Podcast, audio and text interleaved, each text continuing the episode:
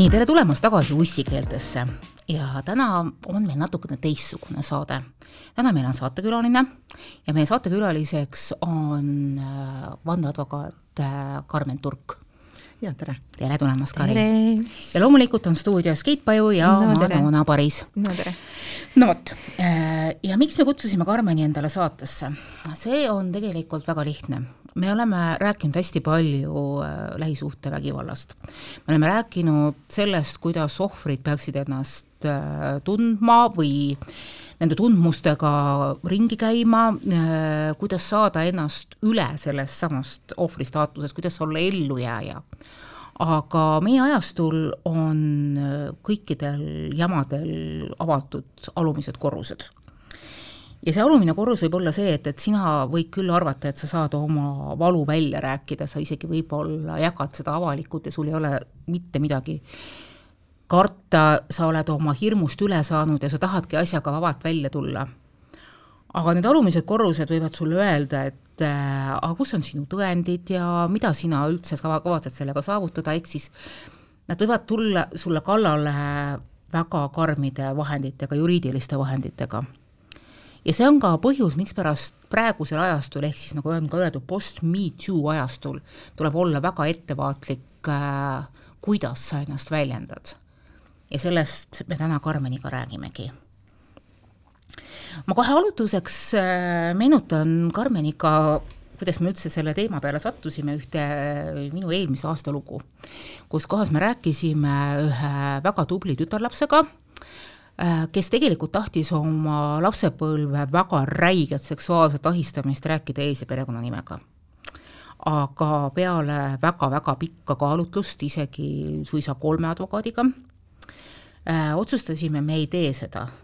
ja ma täiesti ausalt ütlen, et mina olin õudselt pettunud alguses ja see tüdruk oli ikka täiesti pisarateni pettunud ja ma sain temast täiesti aru, ma tundsin meeletut süükoormat aga sina, Karmen, olid samuti see, kes ütles, et, et tead, sellel on omad agad, et, äh, et miks, miks praegu anonüümsus kaitseb teda ja noh, kaitseb ka mind vahendajana. kas sa võiksid meile seletada seda natukene? jaa, advokaadina, kes alati kõik ära keelab, on ju, aga ei, ma arvan, et ähm, iga loo puhul ajakirjaniku ülesanne on ju leida viise kuidas avaldada niimoodi, et loo sisu jõuaks vaatajateni, kui see on tõsine lugu, nagu konkreetsel juhul oli, et see tõstaks mingi debati. nii et üldmõttes, kas seal on nimi või ei ole, seda eesmärki ei väära. samas ma olen mitte advokaadina, vaid inimesena, ma olen täiesti nõus, et avalikult rääkimine on kindlasti tervenemise viis äh, selliste asjade üleelajatele, no vähemalt kui see nende jaoks töötab ja kui sa võtad selle võimaluse talt ära ja alles jääb abstraktne lugu X-ist, kelle vastu Y on pannud toime mõeldamatuid tegusid, siis kindlasti võib-olla paranemisele see sellist mõju ei pruugi avaldada. aga tõepoolest, et nüüd just nimelt sellises olukorras, kus inimene tahab rääkida, no mhm. -huh. esiteks inimesel on ju kaks varianti. ta räägib ise öö, otse öö, oma sõpradega oma tutvusringkonnaga ja võib-olla lõpetab sotsiaalmeedias, eks ju. ja teine viis on siis, et ta pöördub mõne ajakirjaniku poole, kes siis peab seda infot vahendama. et kui ma oleksin ohver, äh, siis mina kindlasti endale kui ohvrile soovitaks proovida rääkida mõne ajakirjanikuga. miks? seepärast, et ajakirjanikul on suuremad õigused, loomulikult ka suurem vastutus, aga kindlasti suuremad õigused et ajakirjanduseetika koodeksist hakkame pihta, on ju. et ajakirjanik tõepoolest ju teeb endast oleneva, et lugu kontrollida, allika usaldusväärsust kontrollida, saada aru, miks ja kuidas ta räägib, kas see, mida ta räägib, ilmselt ju tõendmaterjale ei pruugi olla. eriti kui me räägime lapsepõlve lugudest mm -hmm. täiskasvanuna. et ilmselgelt ei ole ka olukorda, kus on läbi viidud kriminaalmenetlus, kus oleks kohus reaalselt kõiki õigusi ja kohustusi arvestades teinud mingi otsuse. me räägime ikkagi kellegi mälestusest. no see on nüüd ajakirjanik, peab olema see vahelipp seal vahel, kes ütleb, et jaa, allikas, sa, mida sa räägid, on usaldusväärne, sina oled usaldusväärne ja nüüd on ajakirjaniku järgmine kohustus mõelda, et kas mul on võimalik saada mingit täiendavat allikat, täiendavat tõendit. ülikeeruline, eks ju mm. -hmm. aga kui ei ole, siis äh, tõepoolest, arvestades, et sellise avaldamisega, kui oleks seal nimed, siis äh, ajakirjaniku jaoks on lihtne, meil on seadus, mis ütleb, ajakirjanik võib avaldada teise isiku andmeid ilma tema nõusolekuta, ilma tema soovita, pole üldse oluline, niikaua kui neli tingimust on täidetud, eks ju. on avalik huvi, sellise asja vastu ma no, avaliku huvi osa ei pea üldse kahtlema. Mm.. ajakirjanduslik eesmärk, no niikaua kui ollakse ajakirjanik, pole, pole üldse küsimust. Yeah., ajakirjanduseetika koodeks, no nüüd natukene hakkab see kaalumise koht, on ju. et äh, kellele ja kas me võime liiga teha -hmm. võime, on ju, juhul kui see jutt ei ole tõene et kui see ei ole tõene, siis see liiga tegemine on ju kellegi elu, noh, ükstapuha, kuidas me teda siis nimetame, tühistamine, canceldamine mm, -hmm. tõenäoliselt töösuhte lõpp, sõprusringkonna kadu, perekondlikud probleemid, et see ülemäärase kahju oht on ju hästi suur mm. -hmm. ja vot nüüd on ajakirjanik on see, kes peab selle kaalumise tegema. kas on ülemäärase kahjustamise oht või ei ole. ja sellest lähtuvalt saabki otsustada, et kas avaldada nimedega niimoodi, et see ka tõepoolest sellele ohvrile annab selle äh, täieliku võimaluse terveneda võib-olla siis läbi selle meetodi. Või siis võtta need nimed ära. aga veel hullem on, kui nüüd ohver ei kasuta seda nii-öelda ajakirjanduse kui selle nii-öelda mikrofoni abi, vaid äh, filtri abi mm, -hmm. ka nagu selles mõttes nagu eetilise vahejupi mm -hmm. abi, vaid teeb seda otse. et noh, siis ongi, et see ohver, ükstapuha kui headest mõtetest või eesmärkidest ta on kantud, on paratamatus esiteks peab vaatama, kas ta on nüüd, kas ta üldse võib avaldada isikuandmeid, aga jätame isikuandmed kõrvale, järgmine on ju kohe õigus. Äh, kui me anname kellegi kohta väärtushinnangu, on ju, hinnang on ju ehk siis, mis on mitte faktipõhine, vaid ma arvan mm, -hmm. et sa oled mölkus äh, või siis, et kui me avaldame kellelegi kohta fakti, et sa oled vägistaja mm, -hmm. siis pead olema võimeline seda tõendama. aga kuidas sa tõendad, kuidas sa pärast seda tõendad? et kui see on faktiväitena avaldatud, siis kohtus ükstapuha, kui veenev selline põhistus ei aita. ehk siis sellisel juhul peab olema hästi ettevaatlik ja vaatama, et ei avaldata selliseid üks-null skaalal väiteid, vaid et need kõik oleks pigem hinnangud, et või minu mälestus, ma mäletan nii, mul on tunne, et see oli nii, et see on nagu ainus kaitsemeede, mida sellisel juhul üldse saab kasutada aga kui inimene ikkagi teeb selle postituse, et ja ta räägib selles, keskendub selles iseenda tundmustele, et see juhtus sel ajal ja alles nüüd ma sain tagasi hapnikku, et sellest rääkida, ta hoiab need, ta hoiab selle inimese täiesti sealt eemalt, eemale, ta hoiab ainult ise, ta räägib ainult iseendast ja enda tundmustest, et kas, kas siis on ka äh, võimalik, et, et see teine pool ikkagi otsustab, et noh, et, et tema tunneb saab ennast ära ja hakkab sealt nagu äh, ähvardama, et, et noh, et, et et nagunii sa rääkisid seal minust ja noh, ma tean, et sa rääkisid minust ja nüüd kindlasti kogu ülejäänud sootsium ja inimesed ja meie tutvusringkond ja kogu laiem Eesti Vabariik ja ma ei tea, maailma üldsus ka tundis ära, et, et et äh, mis sellises situatsioonis teha, et, et väga paljud selle peale ju tõmbavad veel rohkem karpi, kustutavad oma postituse ja arvavad, et mitte kusagil mitte ühtegi abi ei ole ole, olemas, et noh, et ta, ta ongi nagu elu lõpuni suukorvistatud mm. -hmm. see suukorvistamise risk on, on, on kindlasti ongi kindlasti suur ja see tunne, et sa tunned ennast suukorvistatuna, ma arvan, et see on niisugune täiendav äng äh, sellisest vägivallast, äh, vägivalla ohvri jaoks. aga no mina advokaadina, et noh, mul on nagu, mina vaatan nagu sellisel juhul ikka, et noh, et, mis on need võimalikud riskid ja võimalused. et noh, Eesti kohtupraktikas meil sellist Äh, selliseid kaasuseid on olnud, et üks võib-olla niisugune tuntum, ma nüüd kasutan isikuandmeid, aga me oleme mm -hmm. ajakirjandusmajas, nii et kõik on hästi -hmm. et äh, selline inimene, keda me kõik kindlasti teame, on ju Alex Lepajõe, äh, kunagi niisugune Soome ja Viru äriteemad ja sellest tehti film Sangarid mm. -hmm. Sangarites ei ole kordagi nimetatud Alex Lepajõed, ei ole öeldud, et see on tema, aga Alex Lepajõe ikkagi pöördus kohtusse, ütles, et aga mu sõbrad saavad kõik aru, et see olen mina et kõik mu sõbrad, mu tuttavad ju teavad, et see on mm -hmm. minu baasil tehtud. ja no siis kohus pidigi hindama, et, et kas on või ei ole. et sellel konkreetsel juhul kohus ütles, et noh, ei, et äh, ei ole sinu isikuandmed.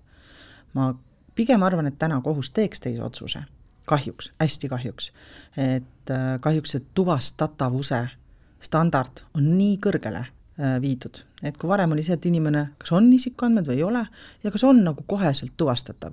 noh, ongi näiteks Manona, kui sina räägid et jaa, et olin abielus ja seal juhtus nii, no ilmselt on tuvastatav ähm, keda on mõeldud, on ju, ilma nime nimetamata. aga kohus on selle standardi tõesti ka koostöös siis Euroopa andmekaitseõigusega viinud hästi kõrgele. et, et tuvastatav erinevate allikate koosmõjus äh, ning hästi lähedale inimesele, et kui juba tema lähedased, tema tööandja saab aru, et siis on juba tuvastatav. ehk siis, et see, seal sellisel juhul tuleb ikkagi rääkida tõesti üsnagi abstraktselt ja seda on väga raske teha lähisuhtes Äh, et mitu last sul ikka on, mitu onu sul on, äh, mitu meest sul on elus olnud, et äh, ei ole võimalik minna ju nii abstraktseks, et mitte keegi aru ei saa. et sellisel juhul ikkagi peab mõtestama enne läbi, et panna kaalukausile, et see, et ma arvan, et ma selle läbi tervenen, versus see, et ma pärast olen neli aastat kohtus. Noh, just nimelt, kus sa ei pruugi, kus sa isegi ei pruugi võib-olla kaotada, aga see neli aastat kohus, see on asi, mille peale väga paljud ei, ei, ei suuda aru saada, et, et kui raske, kui ränk, kui kallis see võib olla. küsi-, üks asi on hind, mis tuleb ra-, maksta raha, sest advokaadid ei ole mm, odavad, ja teine asi on see, et mis sa maksad oma närvirakkudes, sest kogu su elu on sel hetkel sellega, sellest kinni, et Äh, mulle õudselt muidugi meeldib, Karmen, et sa tood välja ajakirjandus kui usaldusväärsed partnerid siin, ma loodan, et ajakirjandus järjest rohkem ja rohkem seda usaldust pälvib, ma ju tean, et, et on alati ka agasid, et noh, nüüd ükski instants ei ole mustvalge. aga mina ise mõtlesin selle sinu jutu peale, et ma tegelikult soovitaksin ka siin niisuguseid ohvriabi instantse äkki, et, et kui sa ikkagi tahad sellest rääkida ja sa ei julge rääkida, sa kardad, et et, et see toob, toob sulle mingisuguse mingi soovimatu tagasisideme, et, et kõigepealt testida ennast äh, naiste turvakodudes ja ohvriabi instantsides äkki. sest ma saan aru, et, et meediaga suhtlemine, see nõuab ka teatavat äh,, teatavat, teatavat oskust ja pealehakkamist, mida väga paljudel ei ole. absoluutselt, ega ajakirjanikul on ka ju kohustus, et meedia võõra inimese puhul on ka ajakirjaniku kohustused hoopis teistsugused ju nii mm -hmm. info kättesaamisel äh, kui ka selle kasutamisel et siin ongi, et selles mõttes minu arvates ikkagi just nimelt see, et see ajakirjanik on seal vahel, tõstab äh, nagu oluliselt seda võimalust, et see ei lõppe kohtuasjaga äh, ning inimene saab ära rääkida, mis on juhtunud. ja kui vaja, siis ka seda isikut nimetada, noh, kui vaja. aga noh, see risk peab olema sellisel juhul kaalutult äh, võetud no ega meil on omal ju siin Eestis ka päris mitu head näidet olnud, et üheks näiteks võib ju tuua Triin Tulevi, äh, kes mhm. -huh. siis äh, kirjutas oma eluloo raamatu nii-öelda või mälestusraamatu nimega Elus. Ähm, ja see päädis mitte ühe, vaid kahe kohtuasjaga, et nii Triin Tulevi enda vastu äh, kui ka siis kirjastuse vastu. et ma kujutan ette, et nende mõlema jaoks see kohtumenetlus oli ikkagi selline keeruline, sest tõepoolest, kuidas sa tõendad mälestusi äh, niimoodi, et need oleksid kohtu jaoks tõeliselt ka tõendatud. Ja asi päädiski sellega, et kirjastus võt-, korjas tagasi müügil olevad raamatud veel, need hävitati ning Triin Tulev ise siis tegi ümberlükkamise neljateist väite osas, mis seal raamatus esitati, mida ta, mille kohta tõendeid ei olnud kohtu hinnangul. et täpselt, täpselt sellisena see lõpuks ju päädibki, et, et ise pead olema võimeline, võimeline tõendama ja mitte midagi ei olegi, ei olegi teha ja ma olen äh, ajakirjanikuna paar korda olnud olukorras, kus äh, inimene pöördub mu juurde oma looga, et ta tahab seda rääkida, see noh, on olnud ka nii lähisuhtevägivalla asju kui ka mingeid teisi teemasid. Ja sellel hetkel ma saan aru, et see inimene üritab kasutada ajakirjandust ära sellena või selleks, et kätte maksta tegelikult äh, sellele inimesele. Ja sellel kohal mina ajakirjanikuna saan väga hästi aru sellest, et ma ei saa olla kättemaksuvahend, ma ei saa oma võimu ajakirjanikuna nii-öelda, on ju, ära kasutada selleks, et tegelikult lasta küll inimesel, kes on arvatavasti väga palju läbi elanud, kes on väga katki võib-olla olnud ja kes on paljust üle tulnud ja kellel ongi see viha enda sees ja ta tahab selle välja saada ja ta tahab näidata maailmale, mida ta on üle elanud ja mis see inimene talle tegi, aga ma lihtsalt saan aru, et tol hetkel see tegelikult, kui ta maksaks kätte läbi ajakirjanduse, see lõppude lõpuks oleks karuteene temale endale no.. jah, et siin on ikka hästi oluline, et, et noh, vot see ongi see, et, et mikspärast ajakirjanikke äh, praegu juba viis aastat äh, ülikoolis ette valmistatakse, et sa oskaksid äh, seda kommunikatsiooni suunata, sest et noh, mina ütlen nii ajakirjaniku kui ka parandamatu empaadina siia vahele seda, et ma saan sellest kättemaksust aru ja ma saan aru, et inimesed ei ole meediaspetsialistid ja ja see, ma tahan, et et meie kaalukausid võrdsustuksid, on praktiliselt kõigi ohvrite loo juures väga suureks allhoovuseks. aga sageli peale väikest seletamist saavad inimesed ise aru, et, et noh, et, et, kuigi need emotsioonid on täiesti tund-, noh nagu ausad mm, -hmm. siis tegelikult ta peab keskenduma iseenda loo läbi, noh nagu ärarääkimisele ja ja kui keegi, ja, ja sellele, et keegi äkki sellest võtab õppust ja keegi teine seal läbi selle kannatab vähem. kui inimene saab sellest aru, siis meil on olemas lugu, siis mul on tegelikult story, mida vahendada, sest et kui seda ei ole, siis see story ei ole saanud veel avaldamisküpseks võib-olla ta kunagi saab, aga mitte veel, et ta on alguses liiga toores veel. et enne seda tuleb mingisugune enda teekond läbi teha, et, et see on, see on asi, millest meie saadetes on Keit hästi palju rääkinud, enesereflektsioonist yeah,, et yeah., et ja mingisugusest valu, mingist akuutsest valutundest yeah. välja tulla, sest et noh mm, -hmm. ma olen näinud seda hästi palju, et, et, et et valust ülesaamise esimesel momendil tulebki väga sageli see, et, et, et ma tahan, ma tahan ükskõik mingisugust satisfikatsiooni yeah,. Yeah. aga sellest sellest noh, see, see, sellest tuleb ära tunda ja noh, ja mis alati tõmbab ka natukene neid nivoosid äh, madalamaks, on see, et, et ajakirjandusel on kohustus võtta teise poole arvamus. me ei saa ilma selleta mitte kuskile minna mm. -hmm. ja need, kes on päriselt saanud äh, selle teekonnaga sinnamaani, et kes ütlevad, et jah, et, et, et ma räägin sellest sellepärast, et see mind nagu lõpuni vabaks annaks. ja ma räägin iseendas, ma ei räägi temast ja tegelikult küsimus ei ole see, mis tema sellest arvab, mul on tõesti kama kaks sellest, siis neil ei ole ka mitte mingisuguseid vastuväiteid sellele, et ma nüüd lähen ja võtangi selle teise poole pealt, poole käest ka kommentaari äh, täiesti nõus kõigega, mis te ütlesite, et ma arvan, ajakirjanikud, ikkagi head ajakirjanikud kõik saavad aru, et äh, ajakirjanikuks olemine on nii info avalikkusele olulise info vahendamine, kui ka iga kell võib olla ajakirjanik relv. ja seda relva võib kasutada väga mitmel erineval eesmärgil, võib-olla on pooleli hooldusvaidlus äh, laste, laste üle, võib-olla on pooleli midagi muud. et ajakirjaniku see selline eetiline kohustus ikkagi ulatub hästi kaugele sellistel juhtudel, selle allika usaldusväärsuse kontrollimisel ja arusaamisel just nimelt tema motiividest. et Euroopa Inimõiguste Kohus on mitu korda hinnanud äh, näiteks kus ajakirjanik ise on läinud siis nii-öelda undercover äh, näiteks mingisse hooldekodusse, et noh, kuidas muidu saab teada, kuidas neid inimesi seal mhm. hoitakse ja kas hoitakse.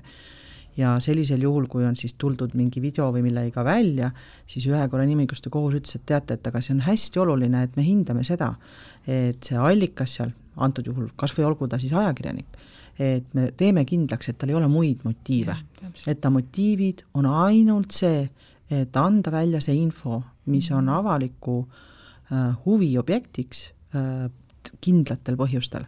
et kui tal on mingid muud, muud motiivid lisaks, siis juba ei ole justkui õigustust selle info avaldamiseks, on inimõiguste kohus äh, öelnud, et ma arvan, see on üks asi, mida kindlasti, kindlasti tasubki kõrva taha panna nagu alati, kui seda mõelda, et mm. -hmm. Aga noh, samas jällegi inimese iha õigluse järgi, see on asi, mis on osa tema inimõigustest, eks ju. ja kui keegi on saanud räige väärkohtlemise osaliseks, siis äh, tema õigus on otsida kohtus endale sertifikatsiooni, eks ju? muidugi, et äh, aga noh, ongi, et me hästi tihti räägime asjadest, mis on toimunud kaua aega tagasi mm, -hmm. mille puhul kohus enam noh, ei ole võimeline aitama, ei läbi politsei, prokuratuuri, lihtsalt pole, on ju, kas on juba aegunud ja kui aegunud pole, pole tõendeid. et äh, sealtkaudu lihtsalt enam ei saagi. kui veel on võimalik sealtkaudu saada sati-, sertifikatsiooni, siis loomulikult tuleks ju kasutada esmalt äh, seda viisi. et aga noh, eks, eks see on ka ikkagi kahe teraga äh, mõõk, eelkõige siis nii-öelda avalikkuses info, et et jällegi hästi kuulus kaasus oli äh, niisama, ütleme siis selle Me Too äh, selle niisugune movement'i algusaegadel oli Islandil, kus siis üks väga kõrge riigitegelane, tema vastu siis astuti välja äh, kaks erinevat inimest, et ta on neid vägistanud.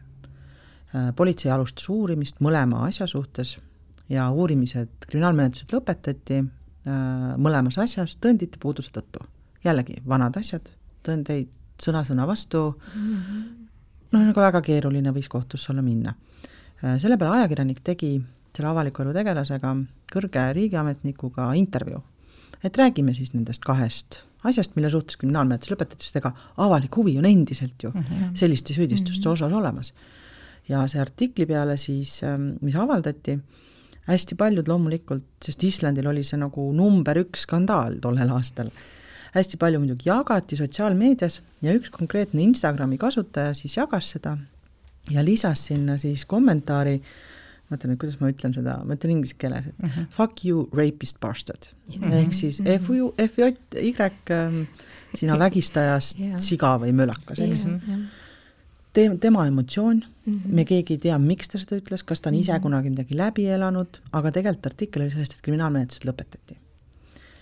Ja nad vaidlesid selle kõik kohtuasjad Islandil ja lõpuks jõudsid inimõiguste kohtusse ka veel välja ja see otsus on, ma arvan, saanud kõige rohkem kriitikat põhju, põhjusega. et äh, see inimene ise ütles, et kuulge, aga see oli minu emotsioon. see oli minu emotsioon selle artikli peale, seda, kuidas kõrged riigiametnikud kasutavad oma võimu selleks, et äh, võib-olla isegi natuke muuta kriminaalmenetluste kulgu, aga ma selles isegi ei süüdistanud teda. minu hinnang on lihtsalt, oli see, mis seal kirjas oli. ja Islandi kohtud olid nõus, aga inimõiguste kohus ütles vastupidi et kohe, kui sa ütled kellegi kohta vägistaja, siis see ei ole hinnang.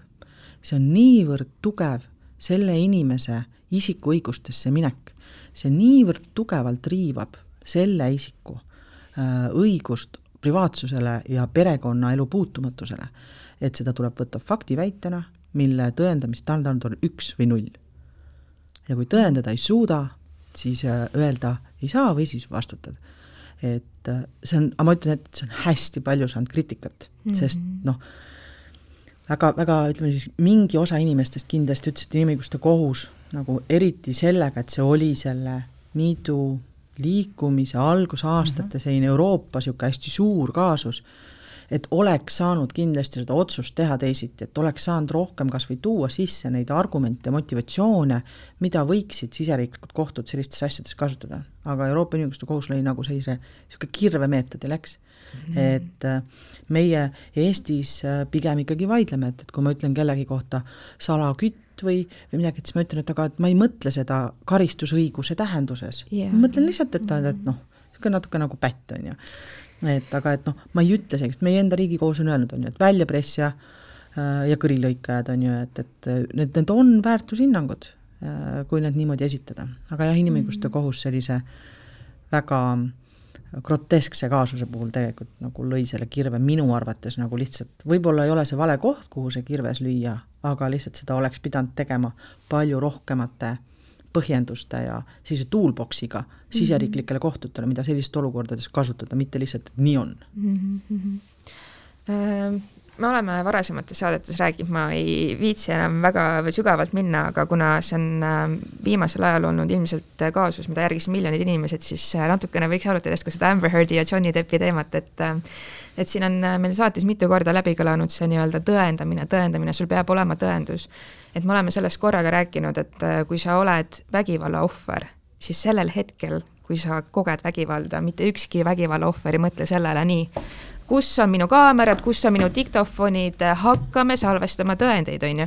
et see nagu noh, inimene on lihtsalt vaimselt nii katki, et ta üritab kuidagi vaimselt endaga toime tulla ja selle traumaga, et mitte keegi ei mõtle sellel hetkel, et ma pean hakkama tõendama selleks, et ma saaks seda kunagi võib-olla kohtuasjas, kriminaalasjas tõendada, kui ma julgen sellest kunagi rääkida, et see on äh, kuidagi lämmatav. kuidagi lämmatav naiste jaoks minu arust ka, et noh, selle Amber Heardi ja Johnny Deppi puhul, et äh, jällegi äh, see nii-öelda otsus äh, tuli ikkagi selle põhjalt, et Amber Heard ei suutnud piisavalt hästi ära tõendada seda, mida ta kõike äh, koges, on ju, et tal ei olnud ikkagi piisavalt tõendeid ja ja noh, muidugi oli seal absoluutselt ka teisi äh, nii-öelda punkte, mis mängisid rolli selles, miks võib-olla Johnny Depp võitis Amber Heardi üle, on ju, kuna selle, see oli ka laimu case, on ju, see ei olnud otseselt mingi muu case. aga kuidas ikkagi siis peaks käituma üks äh, lähisuhtevägivalda kogenud naine, kas ta tõesti peab võtma kohe välja kaamera, et hakata seda kõike tõendama? no see nüüd olenebki tõepoolest, et ma nüüd ei taha niimoodi, et see vastus kõlama jääks, aga ega lähisuhtevägivallas esimene asi on ikkagi ju mitte mõelda sellele, kuidas sellest pärast rääkida, vaid mm -hmm. esimene asi on, on ju paluda abi yeah., äh, paluda abi vajadusel politseini välja, niimoodi, et toimuks kriminaalmenetlus. Äh, noh, see oleks ju see õige viis, noh, kui sa ei saa lihtsalt ära minna ja arvad, et see on nagu see, see, kuidas seda ütleme, lahendada Äh, ja kui toimub juba uurimine ja menetlus, äh, siis on juba hoopis teine olukord, et siis äh, kas see on tõendatav või ei ole. ja ma ütleks, et meie kriminaalmenetlus Eestis ikkagi on aastatega kindlasti oluliselt muutunud selles, noh sellest stiilist, et see on sõna sõna vastu ja äkki oli endal lühike seelik. et noh, seda mentaliteeti ikkagi pigem Eestis ma ütleks, et ei, ei ole mm ja ette ei tule mm. -hmm. et pigem uurimisorganid teevad kõik, et uskuda äh, ohvri juttu ja leida sellele kinnitust. ja kui ei leita, no siis lõpetatakse menetlus. kui mhm. leitakse, siis on ka väga lihtne sellest pärast rääkida, seepärast et menetlus ongi tuvastanud selle. aga kui soov on, et ähm, mu ainus soov näiteks on eemalduda sellest konfliktist, sellest suhtest, sellest olukorrast, kolida teise maakonda, äh, politseid kaasata ei ole soov, Äh, aga on soov sellest rääkida, no siis äh, ongi, no, no variante on mitu. et üks variant jällegi ajakirjaniku poole ja ajakirjanik teeb loo niimoodi, et ajakirjanik kaitseb nii ennast -hmm. väljaannet kui ka mhm. ohvrit -hmm. sest see on ajakirjaniku kohustus mm. -hmm ja kui ta soovib rääkida nimedega, siis tulebki see risk võtta mm. -hmm. ja võib-olla tasubki, et, et kui see on seda väärt, siis tulebki võtta see risk ja panna see nimi äh, sinna, et tema just nimelt tegi. aga no siis tuleb arvestada lihtsalt, et võib olla kohtuasi ja noh, sellisel juhul on, on määravaks kahjuks kohtus see, äh, kas on pilt, tõend, foto, sõnumid või ei ole. me jõuame samasse kohta tagasi yeah et seetõttu mina olen rääkinud alati inimestele, kes, kellel on omad need valusad mälestused rääkida, et sa saad rääkida iseendast, et, et noh, et, et tegelikult see lugu ei olegi niivõrd palju sinu ründajast või sinu agressorist, vaid sellest, kuidas sina sellest välja tuled, sest et minu eesmärk ei ole anda inimestele räiget põnevuslugu. -hmm. et selleks palun lugege mõnda krimkat minu ülesanne on anda inimestele lugu sellest, kuidas äh, inimesed tulevad raskustest välja et see on nagu tegelikult ajakirjanduse huvi, noh nagu huvi siin koha peal, vähemalt minu mm, -hmm. minu huvi on, kui ma teen neid lugusid, ma olen neid päris mitu niisugust seeriat teinud, et ma olen teinud sellise, kus oli nimed väljas äh, ja ma olen teinud äh, lugusid, kus on nimed varjatud ja noh, ma olen päris sageli ise võtnud need nimed ära, sellepärast et noh, ma näen seda ohtu inimestele.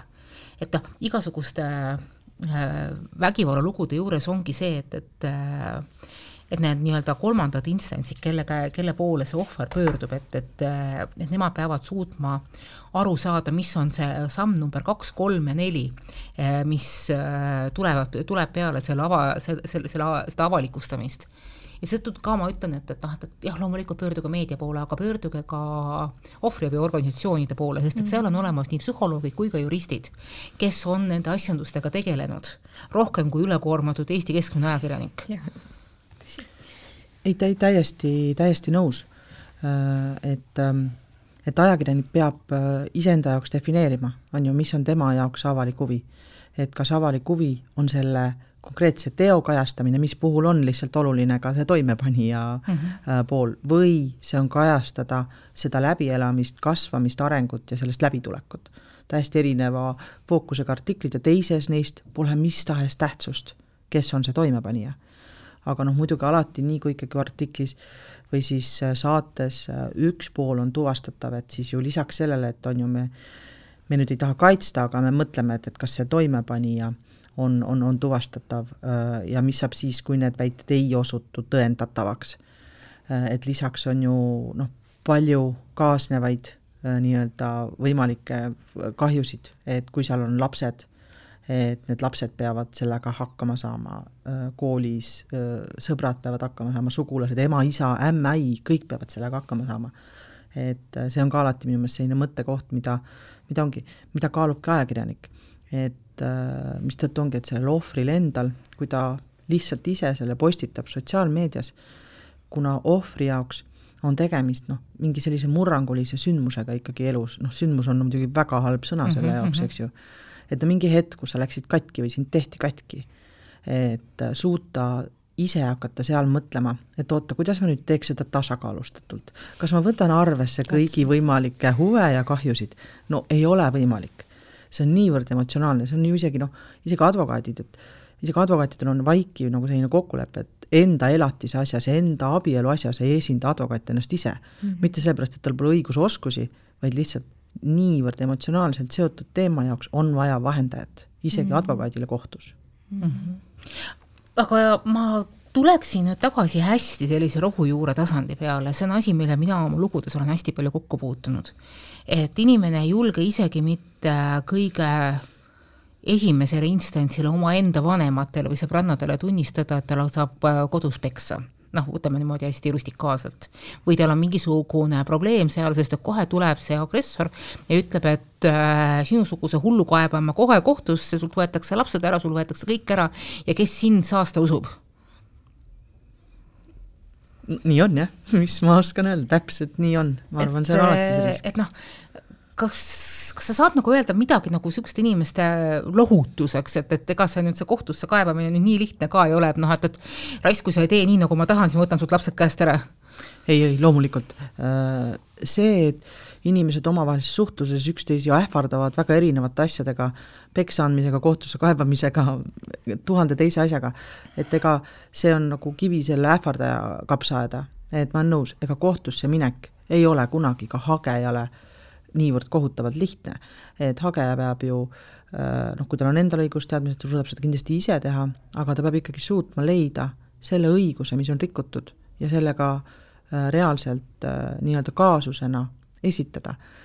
kohus peab selle menetlusse võtma, selleks on vaja maksta riigilõivud, olenevalt on ju nõuetest. et ega see hageja jaoks ka nüüd ei ole niimoodi, et ähvardan ja siis kohe teen. aga noh, sellele ohvri jaoks ikkagi, et mitte kunagi ei tasu nagu nüüd karta ähvardusi, mitte kellegi ähvardusi mis tahes suunal, olgu see siis kohtuasi või midagi muud.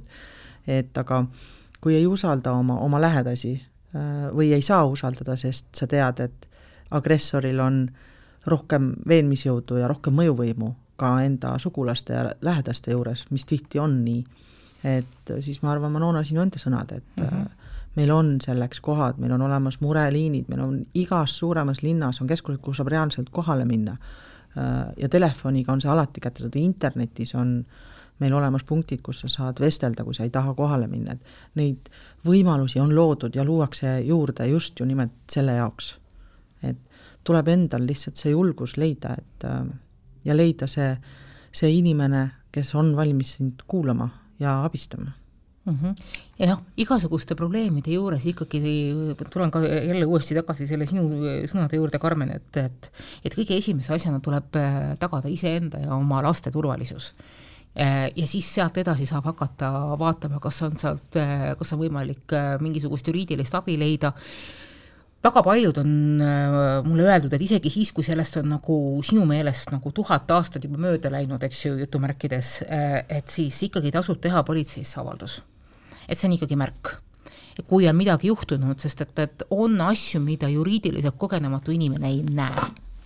ja seda näevad just korra, korrakaitseorganid et isegi siis, kui sellest asjandusest on läbi aastakümneid, isegi siis on tehtud politseisse avalduse, avaldusi ja, ja kui need avaldused hakkavad kumuleeruma, kui hakkavad teised ka need avaldusi esitama, siis sealt võivad tulla välja detailid, mis hakkavad juba üksteist tõendama. mis nagu hakkavad omavahel nagu kokku mängima mul on üks niisugune juhtum olnud. ei, ma olen äh, täiesti nõus, et ma arvan, meie ühiskond on nii küps, et äh, korrakaitseorganeid ei, ei tohiks karta, et me ei ela selles ühiskonnas, kus nad ei ole meie abistamiseks mm -hmm. tegelikult loodud äh,. ja märgi mahajätmine äh, on äärmiselt tähtis väga erinevatel põhjustel, aga kõige enam see on ju austus sinu enda vastu. et meil on ainult üks keha, kui keegi meie kehale haiget teeb, siis ainult meie ise saame seda austada ja midagi ette võtta, mitte keegi teine ei saa, on ju. et meil on ju ka sellest suvest on meil kohtuasi, et kus mitu inimest ütlevad, et naisele tehti liiga, aga naine ise ütleb, et ei tehtud. mis sa teed siis? ega mhm. kohtuna ei saagi mitte midagi rohkem teha, ise pead enda keha kõigepealt austama ja enda noh, mentaalset seisundit ka, et olgu see vägivald siis füüsiline või, või emotsionaalne, on ju vot siinkohal äh, tahakski kohe küsida, et äh, meil on ju väga erinevat tüüpi lähisuhtevägivalda, üks on füüsiline vägivald, aga teine on ka kestev selline psühholoogiline, vaimne terror ja vägivald. et kuidas sellega lood on, et äh, noh, sellist nii-öelda füüsilist vägivalda on palju lihtsam tõendada kui seda vaimset vägivalda, et kuidas, kuidas sellega edasi minna? no vaimse vägivallaga ka, see on ikkagi eneseabi otsimine mm -hmm. ja lõpuks ikkagi sellest keskkonnast eemaldumine, ega seal, seal ei olegi muud. et noh, muidugi Eestis äh, ma ise olen ikkagi päris palju kokku puutunud, kuigi ma ei, ei nõusta palju eraisikuid, aga ma nõustan palju meediat ja ajakirjanikke ja seda ikka, ikka, ikka on tulnud aastate jooksul nagu mitmeid kordi, et äh, Eestis ei ole võimalik sul eemalduda tegelikult olukorrast mm. -hmm. et see ei ole nagu Ameerika Ühendriikides, et kolin seitse osariiki allapoole, eks ju. et Eestis ei ole võimalik kaduda, meil on e-riik, äh, see on null võimalust, kui sa tahad Eestisse elama jääda. ja isegi, kui sa siis eemaldad ennast sellest olukorrast ja füüsilisest keskkonnast, mm, siis sotsiaalmeedia kaudu e, e-kirjadega sinu tööandjale mm, -hmm. sinu lapse kooli on võimalik ähm, sind vägagi efektiivselt äh, vägivalda jätta, jätkata ilma mis tahes kokkupuuteta. et sellisel juhul ka ikkagi tasub kindlasti kaaluda abi otsimist ja seal on ka nagu tegelikult õiguslikke tööriiste on, on olemas, et neid ei ole palju rakendatud, aga neid siiski rakendatakse just nimelt sellistes olukordades, et me oleme isegi saavutanud ühe korra Eesti kohtutes lähenemiskeelu, mis puudutas seda, et teine pool ei või enam sinu kohta kirjutada sotsiaalmeedias. Okay sest see on võimalik, just nimelt. just, et see on hea võimalik. teada, et see on võimalik. jah, see on võimalik ja teine on samamoodi, et kuigi see lähenemiskeeld on ju, tundub midagi, mis on väga ameerikalik, siis tegelikult on see Eestis olemas. ja ta on selliselt üles ehitatud, et ta on tsiviilõiguslik, aga kui seda rikutakse pärast seda, kui ta on kehtima hakanud, siis muutub see kriminaalõiguslikuks. et äh, ka kindlasti midagi nagu, mida võib-olla vägivalla vägivaldses suhtes olevale isikule nagu meele taha panna, et et meil on tegelikult neid riistu, neid ei ole võib-olla noh, neist räägitakse äärmiselt vähe, on ju. no näiteks ongi seesama nii-öelda elektrooniline lähenemiskeeld, et seda on nagu kohtutes äärmiselt vähe katsetatud ja proovitud, aga, aga me oleme seda nagu ikkagi saanud täiesti. et ja siin ongi, et needsamad igasugused tugikeskused, et kus on juriste ja Eestis on ju meil samamoodi riigi õigusabi, et, et kui inimene ei suuda tollel hetkel ise äh, noh, advokaati palgata, sest advokaadi palkamine ei ole midagi, mida me kõik tahaks hirmsasti kogu aeg teha, on ju. et meil riik ikkagi võimaldab ka tsiviilasjades, mitte ainult see, et sa oled süüdistatav mõrvas, vaid ka tsiviilasjas on võimalik taotleda õigusabi riigilt tasuta et kõik võimalused tegelikult on olemas, aga nende kasutamiseks, kuna igapäevaselt pole neid vaja kasutada, siis inimene lihtsalt ei tea. aga selleks tulebki nagu pöörduda vajalikesse kohtadesse, et seda abi saada ja neid, ütleme neid tegevuskavasid või neid võimalikke teesid üldse nägema hakata mm. -hmm. igatahes ma arvan, et see on olnud üks väga sisutihe äh, saade. Äh, kallid ussikeeled, äh, meie kuulajad, palun kirjutage meile ussikeeled.ohtuleht.ee ja Karmen, suur aitäh teile saatesse tulema! et sa jagasid väga meile väga, väga palju informatsiooni, millest on kindlasti väga ma saan aru, et ma olen nüüd ussikeel. jah, jah, oled ka nüüd meie kambas. aga siis kuulake meid Spotify's, SoundCloudis ja hakake meid jälgima igal pool. nägemiseni!